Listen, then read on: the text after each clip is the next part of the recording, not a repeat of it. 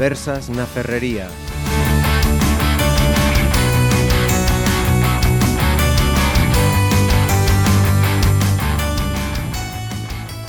Saludos. Este próximo sábado, 30 de abril, va a salir por sexto año consecutivo la Pontevedrada, una marcha nocturna que tiene carácter eh, solidario y que organiza ASAMPO. Tiene como destino la capital gallega, Santiago de Compostela. El objetivo, concienciar sobre la importancia de la donación de órganos, de tejidos y de sangre. Y nos vamos a quedar con esa máxima en las conversas na ferrería y vamos a charlar un ratito con Ángeles Pazos, que es responsable de prensa de la Agencia Galega de Sangue, Órganos y Tejidos. Bienvenida, Ángeles. Muchas gracias. Y también nos acompaña Celso García, que es el presidente de Adrobi. Bienvenido también, Celso. Buenos días. La Asociación de Donantes... De, de receptores de, de órganos de Vigo. Eh, una circunstancia antes de comenzar que me ha llamado la atención preparando este programa ha sido que eh, los donantes se muestren tan, tan reacios a, a, identificarse. De hecho, no tenemos ninguno aquí. ¿Qué, qué es lo que pasa? Sucede, debería ser al Vamos, contrario, ¿no?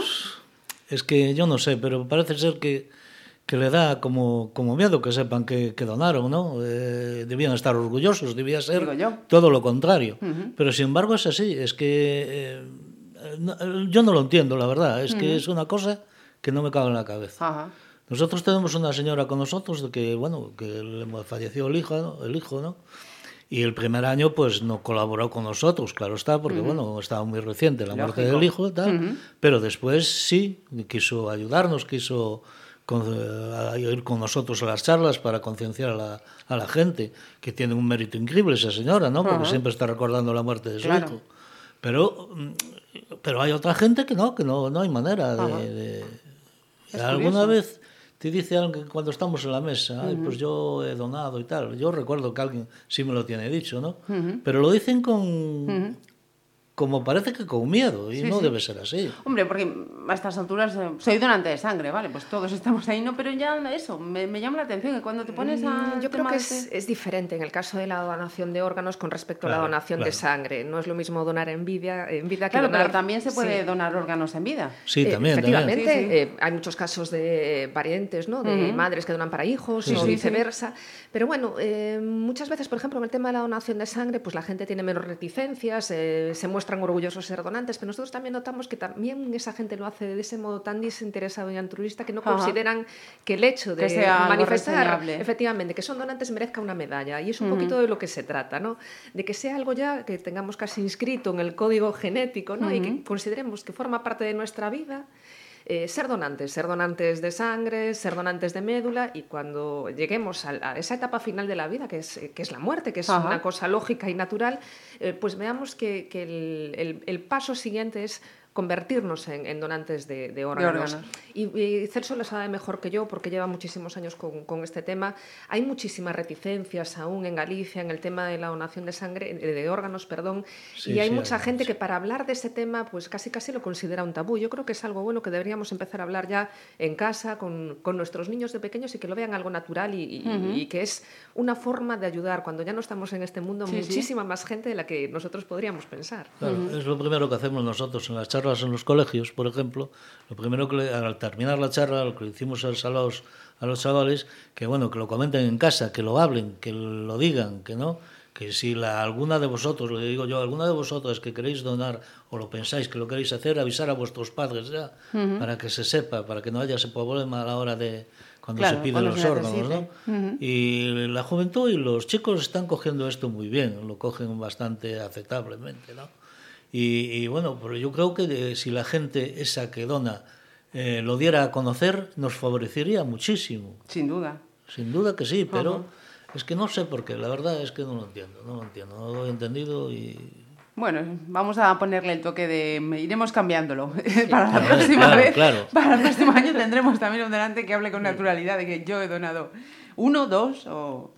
Eh, eh, te quería preguntar, Ángeles, eh, también, hablando de, de, donantes, en el caso de Galicia y en la provincia de Pontevedra, ¿está dentro del promedio, por encima, por debajo de la media? En el caso de donación de, sangre, pues sí, tenemos unas muy buenas cifras de donación. En el caso concreto de la ciudad de Pontevedra, estamos en torno a las 4.000 donaciones de sangre anuales, una cifra que está 8 puntos por encima de, de la media de donación de Galicia, lo cual habla mucho y muy bien del carácter solidario ¿no? de toda la provincia de Pontevedra, porque hay que matizar que bueno, Coruña y Pontevedra eh, son las dos provincias que cumplen con los índices que recomienda la OMS, pero en el caso de, de las ciudades de Pontevedra y Vigo, pues las cifras son espectaculares y, y superan eh, con mucho. Uh -huh. En el caso de la donación de órganos, eh, ha variado también sustancialmente el, el aspecto y si hay, hay cada vez eh, muchísimas más tarjetas de, de, de donantes, donantes sí, sí. gracias a la labor que desarrollan pues, eh, gente y asociaciones como, como Adrobi, como Celso, que, -huh. que yo creo que es básica la concienciación desde muy pequeñitos, desde niños, eh, porque si tenemos esa sensibilidad, cuando lleguemos a mayores lo vamos a ver como algo natural y nos vamos a hacer donantes. Y es un poquito de lo que se trata, de quitarle -huh. un poco de hierro al asunto y decir, bueno, pues tengo 18 años, puedo votar, -huh. eh, tengo el carnet de identidad y puedo, y puedo ser donante. y lo, lo bonito de, de, este tipo de trabajo que, que se desarrolla con gente muy joven es que efectivamente llegan a los 18 y hay mucha gente que lo primero que hace, yo ayer mismo estuve con una chica sí, que, sí, es, que es donante uh -huh. y me decía que su ilusión fue al cumplir los 18 poder donar sangre y hacerse donante de órganos, tener esa tarjeta, bueno. que para ella era un orgullo. Uh -huh. Y hay sí, mucha gente que me comentaba, eh, me comentaban los organizadores de, de la Pontevedrada, eh, Raúl concretamente, que decía que mucha gente que no había sido donante nunca ni de sangre ni de órganos, a raíz de hacer la Pontevedrada, se habían convertido en donantes. Que es el objetivo. Sí, que es el objetivo y, y, además que transmitían ¿no? en su entorno esa, esa sensibilidad y, y, había mucha gente de su entorno que se convertían en donantes a raíz de, de una uh -huh. iniciativa bueno, lúdica, pero también eh, muy, muy concienciada y que permite pues, eh, sacar del contexto a lo mejor sanitario, hospitalario, que siempre uh -huh. se vinculan las donaciones y, y, llevarlo a la calle, que es de lo que se trata. Ajá. Y en el caso de, me decías que van creciendo, pero ¿están cubiertas las necesidades de recepción de órganos o todavía mm, estamos...? No, no, siempre, siempre hay necesidad de órganos, Ajá. porque se va trasplantando bastante, pero al mismo tiempo también van entrando otros en la lista. Entonces, pues, más uh -huh. o menos está esa, la lista está más o menos nivelada. En tu caso, don Celso, creo que recibiste órgano, ¿no? Sí, yo hace, ahora en el mes de junio, pues hace 19 años. Uh -huh. ¿Y qué supuso esa, esa, recepción para ti? Pues mira, supuso oh, que la vida me cambió muchísimo, el que haya más tarjetas de donante que en ningún sitio en Pontevedra, porque desde a partir de ahí pues siempre me dediqué, me volqué en esto y entonces pues eh, bueno, creo que es una vida nueva, una vida que lo que tratas es de que todo, que todo el mundo que esté en una lista de espera pues que que pueda tener la misma suerte que yo y, y, que se trasplanten para que salir de la, de la diálisis mucha gente que está ahí años y años. Uh -huh. Entonces nosotros lo que queremos y precisamente trabajamos para eso es para que salgan de esa, de esa diálisis y que se trasplanten. ¿no? Eh, otra cosilla, eh, hablando de la normalidad de donar eh, órganos, en una de vuestras eh, mesas informativas, sí, sí me hago la tarjeta de donante de órganos. Yo le comunico a mi familia, oye, el día que fallezca, uh -huh. quiero que donemos, eh, que donéis mis órganos. Pero llega el día y la familia le cuesta. ¿Quién tiene finalmente la decisión, Ángeles? ¿Y hay algún método, hay una fórmula para que finalmente prevalezca mi deseo el día que fallezca? Pues lamentablemente, y creo que no estoy equivocada, si Celso me ve que en un punto va a ser así, si la familia va a tener la última palabra. Entonces se trata de respetar el deseo de esa persona. Entonces yo creo que también, lo que, volvíamos a lo de siempre, es un tema de, cultu de cultura, de educación y de respeto hacia las creencias de esa persona. Uh -huh. eh, si normalmente, como dice Celso, eso se traslada al ámbito familiar, se habla, se comenta, yo entiendo que es, que es muy duro para las familias hacer frente pues, al fallecimiento de un, de un ser querido, pero para mucha gente también representa un notable alivio el saber que, que de, esa, de ese fallecimiento va a resultar que, que vivan muchas personas. Uh -huh. eh, a veces, eso, más de las que podríamos pensar, porque sí, podemos donar eh, los riñones, el corazón, los pulmones, las córneas, es decir, de algo muy triste puede salir algo muy, muy, muy positivo. Y el otro día es curioso, me estoy, estoy recordando eh, una metáfora que utilizaba un compañero mío del, del trabajo, ¿no?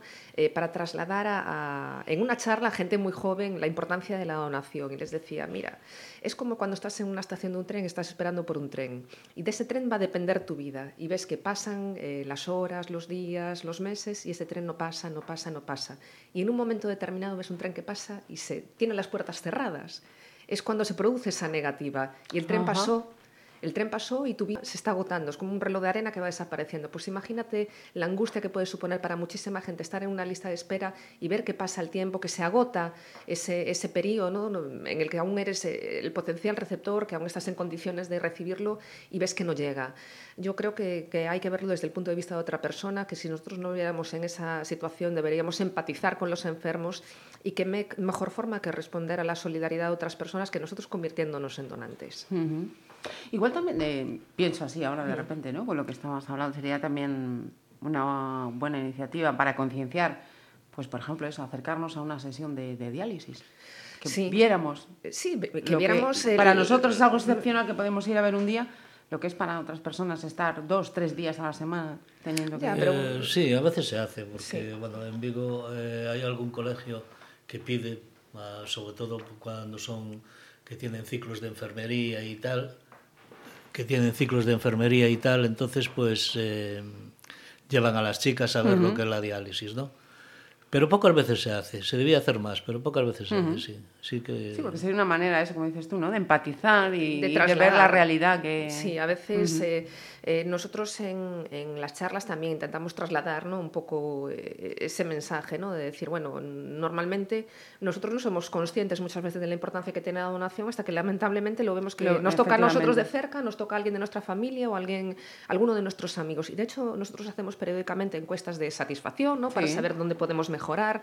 y una de las preguntas que hacemos normalmente de esas encuestas es eh, eh, que cuándo estaríamos nosotros dispuestos a donar sangre en el caso de personas que muestran alguna reticencia. Y todos contestan lo mismo, que es en el momento en el que yo supiera que alguien, algún ser querido, lo necesitaría. Y de lo que se trata no es de eso, es mm, eh, de que la sangre tiene que, estar sí o sí. normalizado y habitual, como vamos Y hay mucha gente que hasta que dice, ay, mi padre no necesita un órgano, o mi hermano necesita una transfusión sí, de sangre, o hay una desgracia de estas eh, tremendísimas y vamos en avalancha. Claro, y hay que decirle en ese momento a la gente que no acuda, que no hace falta, que hay que trasladarlo para meses posteriores.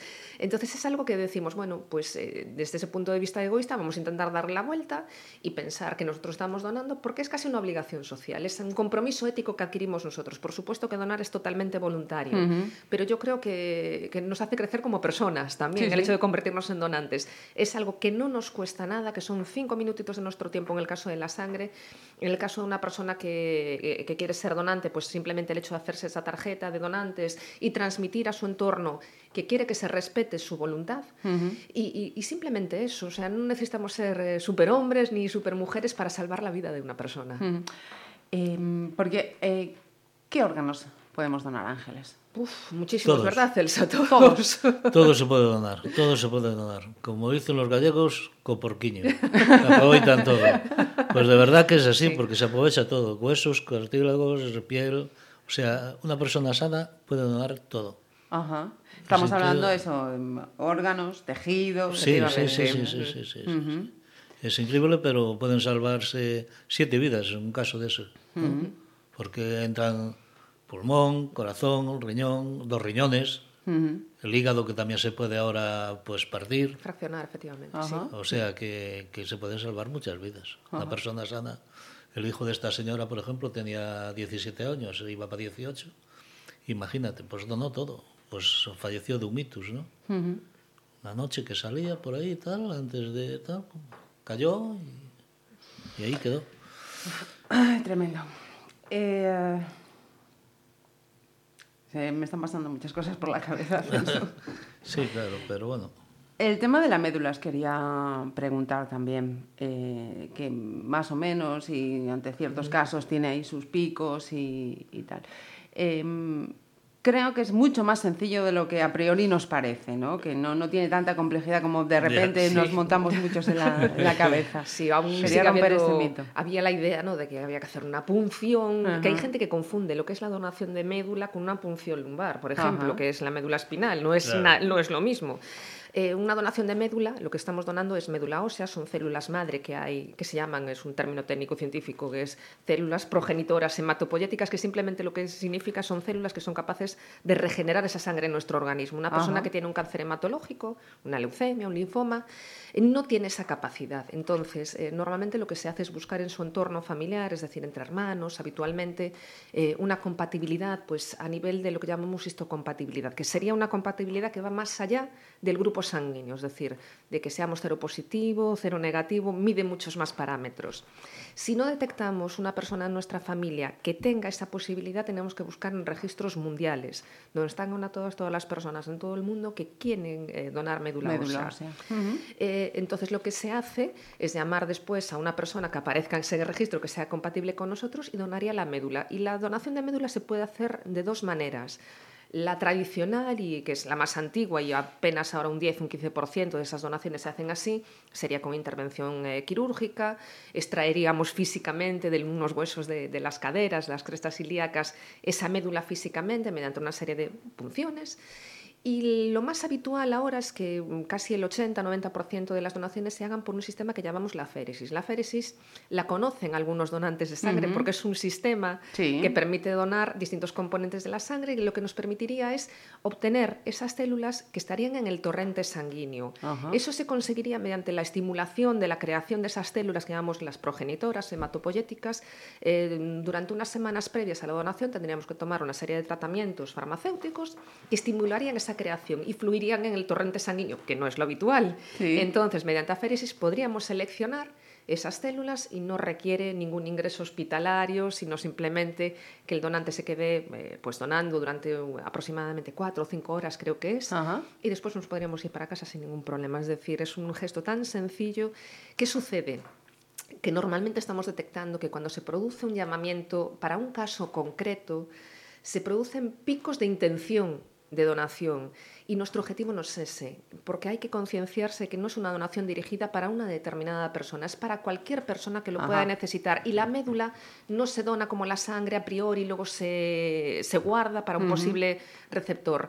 Lo que se hace es que se almacena lo que es el tipaje, es decir, la determinación de con quién nosotros seríamos compatibles, con quién nuestra médula sería compatible. Y si en algún momento de nuestras vidas surge un enfermo compatible con nosotros, es cuando donaríamos la médula ósea, efectivamente. Y de lo que se trata es de que nos convirtamos en donantes plenamente concienciados, porque a lo mejor nos apuntamos en ese registro y jamás en nuestra vida se nos llama, Sí. porque no hay una persona que sea compatible. Claro.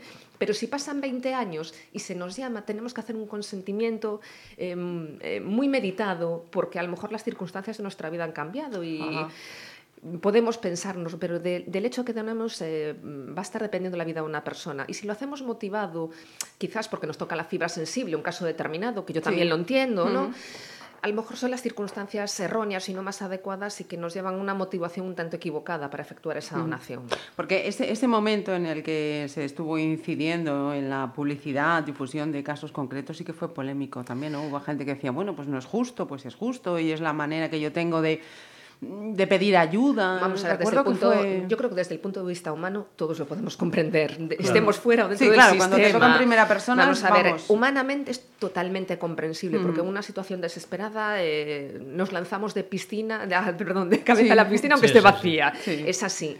Pero tenemos que ser a veces un poquito más fríos y nosotros se lo trasladamos también a, a las familias de los enfermos. Y hay gente que lo recibe muy bien y lo entiende y a pesar de la desesperación del momento comprenden que en el momento en el que hay un problema de esas características y empezamos a buscar un donante ya está funcionando todo el sistema. ¿Y qué sucede? Si recibimos un aluvión de llamadas de gente que quiere hacerse donante para esa persona determinada, estamos saturando el sistema. No podemos efectuar eh, Ajá. la búsqueda, realizar las analíticas que tenemos que realizar y además nos encontramos con que el proceso no es inmediato. Eh, para hacerse donante de médula tiene que haber un periodo de reflexión es decir, es un poquito más largo de lo que sería una cosa instantánea de un día.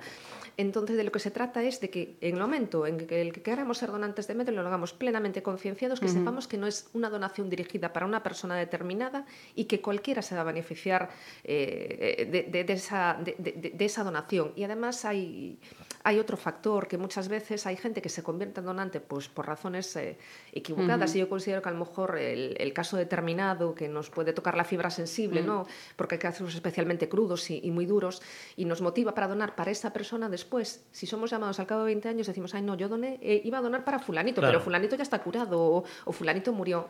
Y no es así, uh -huh. porque si se nos llama es para una persona que no conocemos y que también lo necesita igual que esa persona porque nos motivó ¿no? Claro, ese, claro. Ese, ese, despertar de ese llamamiento. Uh -huh. Celso, supongo que entiendes perfectamente sí, lo que sí. nos está explicando. Sí, Ángeles. claro que sí. Uh -huh. Estamos metidos en eso todo y no cabe duda de que... Ajá. Además puede costar la vida al paciente, ¿no? Porque si se niega a última hora, puede costar la vida al paciente. Tú que estás a pie de calle, también viendo el día a día, las reacciones de la gente, ¿te encuentras eso, mm, esas circunstancias? Esos casos? Sí, sí, bueno, sí, claro que me encuentro con esas circunstancias, porque lo primero que te preguntan ya cuando es para la donación de médulas si duele mucho. Sí. Eh, eso, sí. Eso ya, hombre, yo siempre le digo, mire, aunque duela, la verdad es que salvar una vida merece un poquito de dolor, ¿no crees? Uh -huh. Porque la verdad es así, ¿no? Que un dolor que pasa con un paracetamol, a ver si me entiendes, que tampoco es exagerado. Sí, sí. Pero la gente, claro, la gente, pues tal. Uh -huh. es que la gente tiene sus, nos falta un poquito todavía de, de concienciación. Sí, eh, yo creo que sí. Que bueno, tenemos falta. que trabajar ahí. Las instituciones también tenemos uh, mucho sí, que trabajar, sí, porque a lo mejor sí, eh, hay que quitarle un poco del ámbito mm. sanitario tan puro y duro, tan así, que las cosas que. para que los que no estamos dentro. Lo ¿no? que tiene que ver con hospital Uf, ya es como. Sí, da cierto repelús. Entonces, de lo que se trata es de, de, de hacer como hace Celso, Ajá. de ponerlo a pie de calle, de, de, explicar las cosas muy claramente, de normalizarlo y de no darle tanto bombo Ajá. y tanto platillo. Del, porque el tema del quirófano, yo creo que a todos nos echa para atrás. O sea, no es una cosa... Sí, claro. y, y, al final yo creo que este es un, un, camino que tenemos que andar. Que recorrer, Poquito sí. a poco todos uh -huh. y yo creo que se acabará consiguiendo. Mira, me hablabas antes y quiero que nos lo expliques también de, de un proyecto que está ahora mismo, me decías, en fase uh -huh. de, de, estudio, eh, que está relacionado con los cordones umbilicales. Efectivamente, los cordones umbilicales se descubrió pues como hace 20 años más o menos que tenían, eh, eran sustituto compatible eh, cuando no había un donante de médula ósea, pues esos cordones tenían una cantidad de lo que se llama células madre, que era lo que hablábamos antes, que son las, las capaces ¿no? de, uh -huh. de desarrollar esa, esas células progenitoras y, y además eh, pues eran un sustituto compatible un donante de médula, médula ósea y la ventaja que tiene el sangre de cordón umbilical es que se puede congelar y se puede guardar no sucede como con la médula ¿qué pasa? que no todos los cordones valen eh, solo los que tienen una riqueza determinada con lo cual es complicado a veces esas células tan solo se utilizaban en adultos de muy bajo peso o en niños pequeños pues que, porque tenían una cantidad de células reducida que no posibilitaba el trasplante por ejemplo a un adulto uh -huh. hace cosa de dos, tres años pues hubo un paciente que le llamaban el paciente Berlín, eh, que suena un poco a película de espías, ahora sí, que lo sí. pienso. Y bueno, fue un paciente que tenía un, un cáncer hematológico, tenía una leucemia uh -huh. y además se daba la circunstancia que era VIH positivo. Y se le realizó un trasplante de sangre de cordón umbilical intentando eh, solucionar su problema eh, con la leucemia. Eh, lamentablemente el paciente falleció, pero antes de fallecer se descubrió eh, que se había recuperado del VIH, es uh -huh. decir, había desaparecido el virus de su organismo. Entonces empezaron a realizar una serie de estudios y se comprobó que esa sangre de ese cordón tenía una mutación genética muy concreta y que lo que se acordó pues, fue realizar un estudio a nivel internacional y en el caso de España se está realizando desde hace pues, aproximadamente un año y medio, dos años, eh, pues todos los bancos de sangre de cordón umbilical públicos están aportando una serie de cordones que tienen esa mutación genética muy concreta y en noviembre del año pasado, noviembre-diciembre, se realizó el primer trasplante a un paciente que tenía las mismas características que el paciente Berlín. Era una persona que era VH positivo y también tenía un cáncer hematológico. Se le eh, transfundieron esas células con esa mutación genética y ahora estamos a la espera de comprobar si efectivamente tienen viabilidad, porque después del paciente Berlín hubo un par de casos en los que se tomó esa decisión de hacer esa eh, transfusión de esas células y se ha comprobado que efectivamente eh, en un caso concreto el paciente se había recuperado del cáncer hematológico y el VIH había desaparecido de su organismo. Es una posibilidad ahora, yo creo que muy interesante porque abre otro camino de utilización. Pues Y además eh, esas células hasta hace muy poquito tiempo era, bueno, el cordón se tiraba a la basura. Una vez que había el parto y era un material de desecho, no supone absolutamente nada para la madre, porque por supuesto que en un parto primero hay que atender al niño y a la madre, y era un material que se tiraba a la basura, es decir, un momento que mm, ya se vaciaba el... la placenta. Ahora lo que se hace es que se clampa, se pincha la vena umbilical y se extraen esas células que existen dentro y luego se congelan. Entonces yo creo que abre unas posibilidades de estudio infinitas y, y, la verdad es que es muy esperanzador para muchísima gente. Eh, entiendo entonces con lo que estás explicando, que era algo que yo de desconocía, desconocía perdón, que allí en Galicia tenemos eh, ese banco de cordones umbilicales. Sí, eh, efectivamente. Tenemos Ajá. desde hace aproximadamente 20 años un banco de sangre de cordón umbilical. 20 años. Desde el 98. Yo... Caramba. Sí. sí, lo que pasa es que empezó muy poquito a poco porque era una cosa como muy puntual, una cosa de mm. investigación, ¿no? casi a sí. nivel puntero y tal. Y ahora, bueno, pues eh, se ofrece esa posibilidad. Lo que pasa es que ahora tenemos un número de alrededor de 6.500 cordones congelados y Ajá. lo que se está buscando es un poco eh, la variedad genética, por decirlo así. Ahora mismo, en un momento en el que hay muchos movimientos migratorios, tenemos mucha población de, de fuera de Galicia, uh -huh. eh, que son no eh, ciudadanos españoles, pues se buscan esas diferentes hablotipos, ¿no? gente que tiene otra configuración genética, por decirlo así, diferente a las nuestras, y mejorar esa variedad y, sobre todo, la riqueza de células que tienen esos cordones. Probablemente al principio de, de los bancos de sangre de cordón umbilical se congelaban prácticamente todas las células y hay muchas unidades de sangre que están congeladas que probablemente sean muy poco viables para trasplante. Ahora de lo que se trata es que todas las células que se congelen, todas esas unidades sean viables, eh, sean utilizables en un posterior trasplante. Uh -huh. Me imagino que cuando hablamos de células ya estamos hablando de un nivel ya de, de posibilidades de solucionar problemas inmenso, ¿no? y para, para, personas que tienen enfermedades crónicas eso también será un, un una luz, eh, sí, una esperanza Imagínate el VIH. Uh -huh.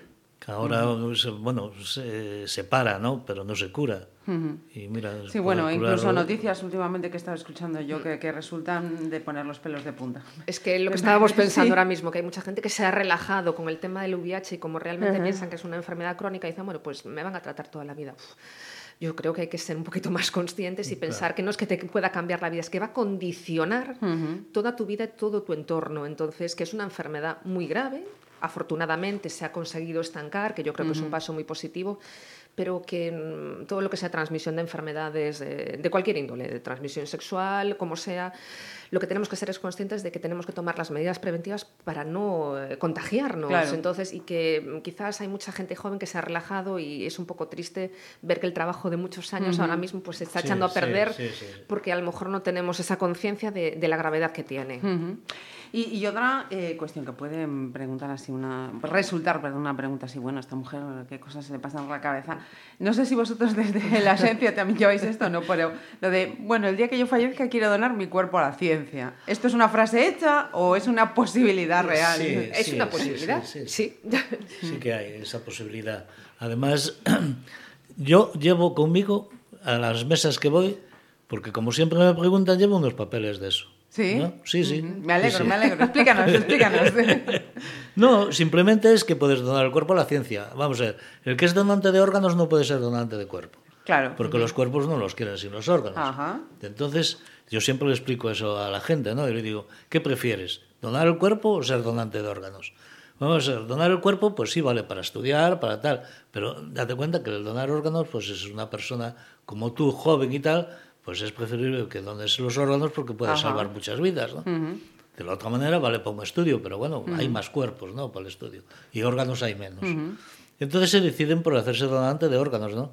Y yo le enseño los papeles. Hay mucha gente que quiere donar el cuerpo por no pagar uh -huh. el clásico Ay, funerario. Sí. Un acto de rebeldía, el último acto de rebeldía. Que, que sí, que es verdad, ¿eh? Sí, sí, sí, sí. Y yo siempre le digo, es un arma de doble filo, porque a lo mejor el día que tú fallezcas, que falleces pues, en una operación con cicatrices, ya no te quieren el cuerpo.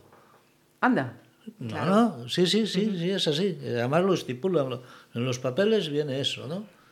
Y entonces, pues si no te quieren el cuerpo, vas a tener que pagar el entierro igual. O sea, en cuerpo con cicatrices, eh, inviable. Nah, bueno, y obesidad bueno. excesiva, hay varios, varios temas. Es para, el tema de este, convenios con facultades de medicina claro, y tal. Sí, Yo sí, lo sé claro. porque tengo una hermana que es, que es médico y me comentaba que, claro, que no tenían suficientes cuerpos para hacer las prácticas de, de anatomía, por ejemplo, porque ya estaban cosidos y recosidos los pobres de los eh, cadáveres que estaban uh -huh. allí de tanto utilizarlos, eh, generaciones y generaciones de médicos. Sí, sí, claro. Entonces, bueno, es una cosa que para mucha gente, como dice Celso, sí, era desde uh -huh. el punto de vista, hablamos otra vez, ¿no? De claro, egoísta claro. del asunto, dicen, bueno, tal.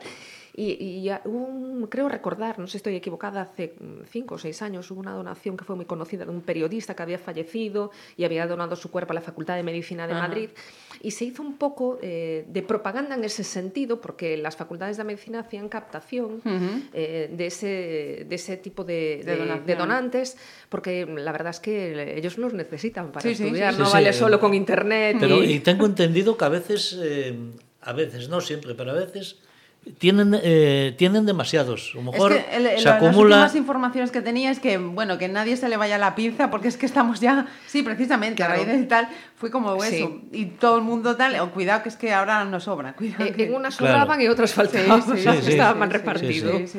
Vamos, yo cuando es una persona mayor, pues le explico cómo tiene que hacerlo. Cuando uh -huh. es mayor, pues no me importa. Si quiero donar el cuerpo a la ciencia, pero bueno, pues una persona joven siempre intento de que se haga donante. Donante. O sea, que no es una frase hecha, es una posibilidad real que también, sí, es, sí, que sí, también existe. Bueno, pues esperemos al menos que con estos eh, minutitos eh, alguna de las personas que nos está escuchando decida que efectivamente se hace donante de, de órganos y, y, permitamos pues que una vez que nosotros ya no vamos a necesitar esos tejidos, esos órganos, pues den vida a otras personas. Y recordaos también que el sábado, si nos estáis escuchando antes del día 30 de abril, 8 de la tarde, Herrería sale esa sexta edición de la Pontevedrada con destino a Santiago y que precisamente pues trata lo mismo que hemos hecho nosotros aquí este ratito, concienciar de la importancia de las donaciones. Ángeles y Celso, de verdad, muchísimas, muchísimas gracias. Gracias a vosotros. Un placer, muchísimas gracias.